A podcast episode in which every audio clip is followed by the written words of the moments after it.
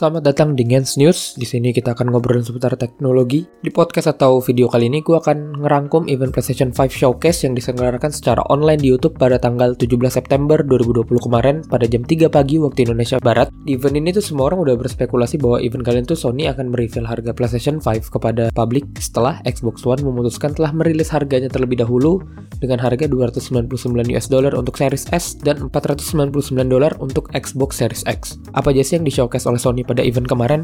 Mari kita mulai. Yang pertama, ada Final Fantasy 16. Setelah rumor yang beredar pada beberapa minggu lalu, yang udah nunjukin juga bahwa Square Enix tuh udah buat akun Twitter bernama Final Fantasy 16, semua orang tuh langsung berspekulasi bahwa akan ada pengumuman tentang game ini. Tapi beberapa orang juga tuh pesimis karena yang kita tahu, Final Fantasy 7 Remake aja tuh belum selesai gitu loh, baru rilis part 1, part 2, dan seterusnya tuh belum ada yang rilis, bahkan tanggal pastinya aja tuh belum ada.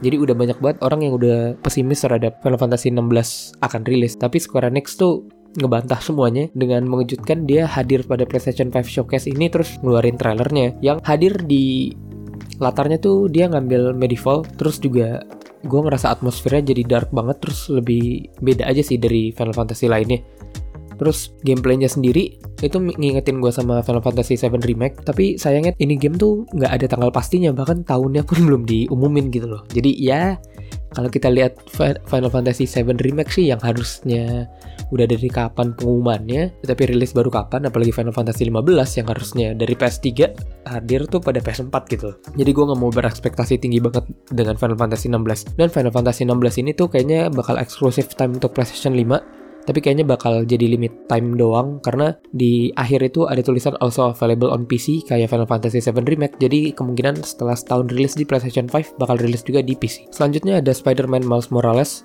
Ya game ini lagi yang setiap event PlayStation 5 ada terus.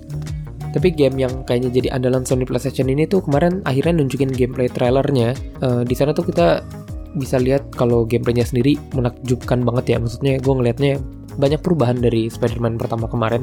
Jadi gue lumayan amazed sama gamenya. Terus kayaknya bakal ada teknologi ray tracing juga di dalamnya karena reflection lampu-lampunya gue ngeliatnya keren banget sih. Jadi gue nggak sabar banget. Terus kayaknya dengan adanya SSD di PlayStation 5 gameplaynya jadi sangat minim loading sih. Kalau kemarin di gameplay sih gue ngeliat nggak terlalu banyak loading. Terus seamless banget kayaknya tuh dari scene satu ke scene lainnya. Jadi ya game ini menarik banget untuk PlayStation 5 dan game ini juga udah dikonfirm bakal jadi launching title-nya PlayStation 5 nanti. Kemudian ada RE Village ya. Game lanjutan dari RE7 ini kembali rilis trailer baru setelah event PlayStation sebelumnya tuh udah ngasih teaser sedikit. Tapi di sini tuh diperlihatkan lebih jelas lagi lokasi yang berada di era medieval lagi. Kayaknya lagi musim atau gimana sih? Terus adanya kehadiran werewolf yang udah sesuai rumor juga. Banyak orang udah bilang kayaknya bakal ada werewolf di sini. Terus udah ditunjukin kalau beneran ada dari segi gameplay sendiri sih kayaknya masih sama sih, masih first person yang sama kayak dari RE7. Game ini sendiri akan rilis pada tahun 2021. Next, ada game yang unexpected buat gue, yaitu ada Hogwarts Legacy. Setelah rumor akan hadirnya game Harry Potter yang dibuat oleh Warner Bros, akhirnya di showcase ini kejawab sih. Walaupun kayaknya tuh bukan Harry Potter banget, tapi latarnya tuh dari Hogwartsnya itu sendiri sih. Tapi mekaniknya kayaknya bakal RPG, walaupun masih banyak belum detail yang diketahui ya, karena dari trailer kemarin tuh cuma sekedar kayaknya untuk nge-show case tempat-tempat gamenya aja kayak misalnya ini tempat makannya atau ini asramanya atau segala macam. Kayaknya masih cuma ngasih tahu tempat-tempat doang sih. Tapi belum dikasih tahu gameplaynya gimana atau ceritanya gimana kita nggak bakal tahu. Tapi game ini akan rilis pada tahun 2021 kemudian ada Call of Duty Black Ops Cold War. Ya game ini udah sangat banyak iklannya kayaknya. Game ini bahkan udah buka pre-order juga sebelum ada showcase ini. Tapi di sini lagi-lagi ada gameplay trailer yang grafiknya sih keren sih menurut gua. Terus untuk kalian yang punya PlayStation 5 nanti bakal dapat alpha gratis pada tanggal 18 sampai 20 November 2020. Game ini sendiri akan rilis pada holiday 2020 besok. Kemudian ada game terakhir yang buat gue menarik. Ini bukan game terakhir yang di showcase ya, tapi maksud gue yang buat gue tertarik akan nonton event ini yaitu ada Demon Soul. Di sini tuh grafiknya bener-bener keren banget menurut gue. Ambience-nya dapet, detailnya dapet. Ya gue suka banget sih. Maksudnya layak untuk dijadiin game next gen. Game ini juga udah pasti bakal jadi game launching title-nya untuk PlayStation 5. Terus kayaknya tipikal gamenya yang kayak Dark Soul ya. Jadi buat kalian yang belum pernah nyoba main, daripada kalian termain terus banding stick kan sayang mahal kan nih jadi mendingan coba main Sekiro atau Ghost of Tsushima dulu atau kalau mau mau yang susah sekalian ya Dark Souls aja mainin kalau udah tamat kayaknya ya cukup buat jadi pemanasan lah. Kemudian sebelum mau gue kasih harganya, ada beberapa game juga yang dimunculin di showcase kemarin tapi gue nggak begitu tertarik tapi bakal gue sebutin juga kayak misalnya Deadloop yang diundur dari tahun 2020 jadi Q2 2021 kemudian ada Devil May Cry 5 Special Edition yang akan hadir pada saat PS5 keluar nanti tapi dalam bentuk digital only.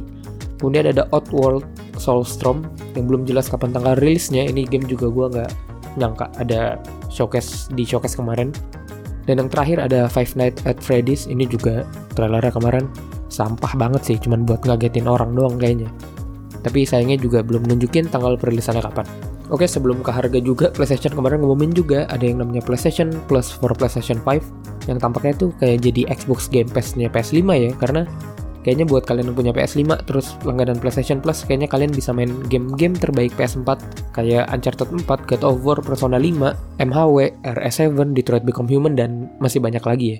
Itu masih nggak tahu sih apa itu maksudnya backward jadi kalian yang punya dulu bisa main lagi atau waktu kalian punya PS5 terus kalian langganan PlayStation Plus langsung bisa main itu semua gue nggak tahu. Tapi kayaknya sih begitu.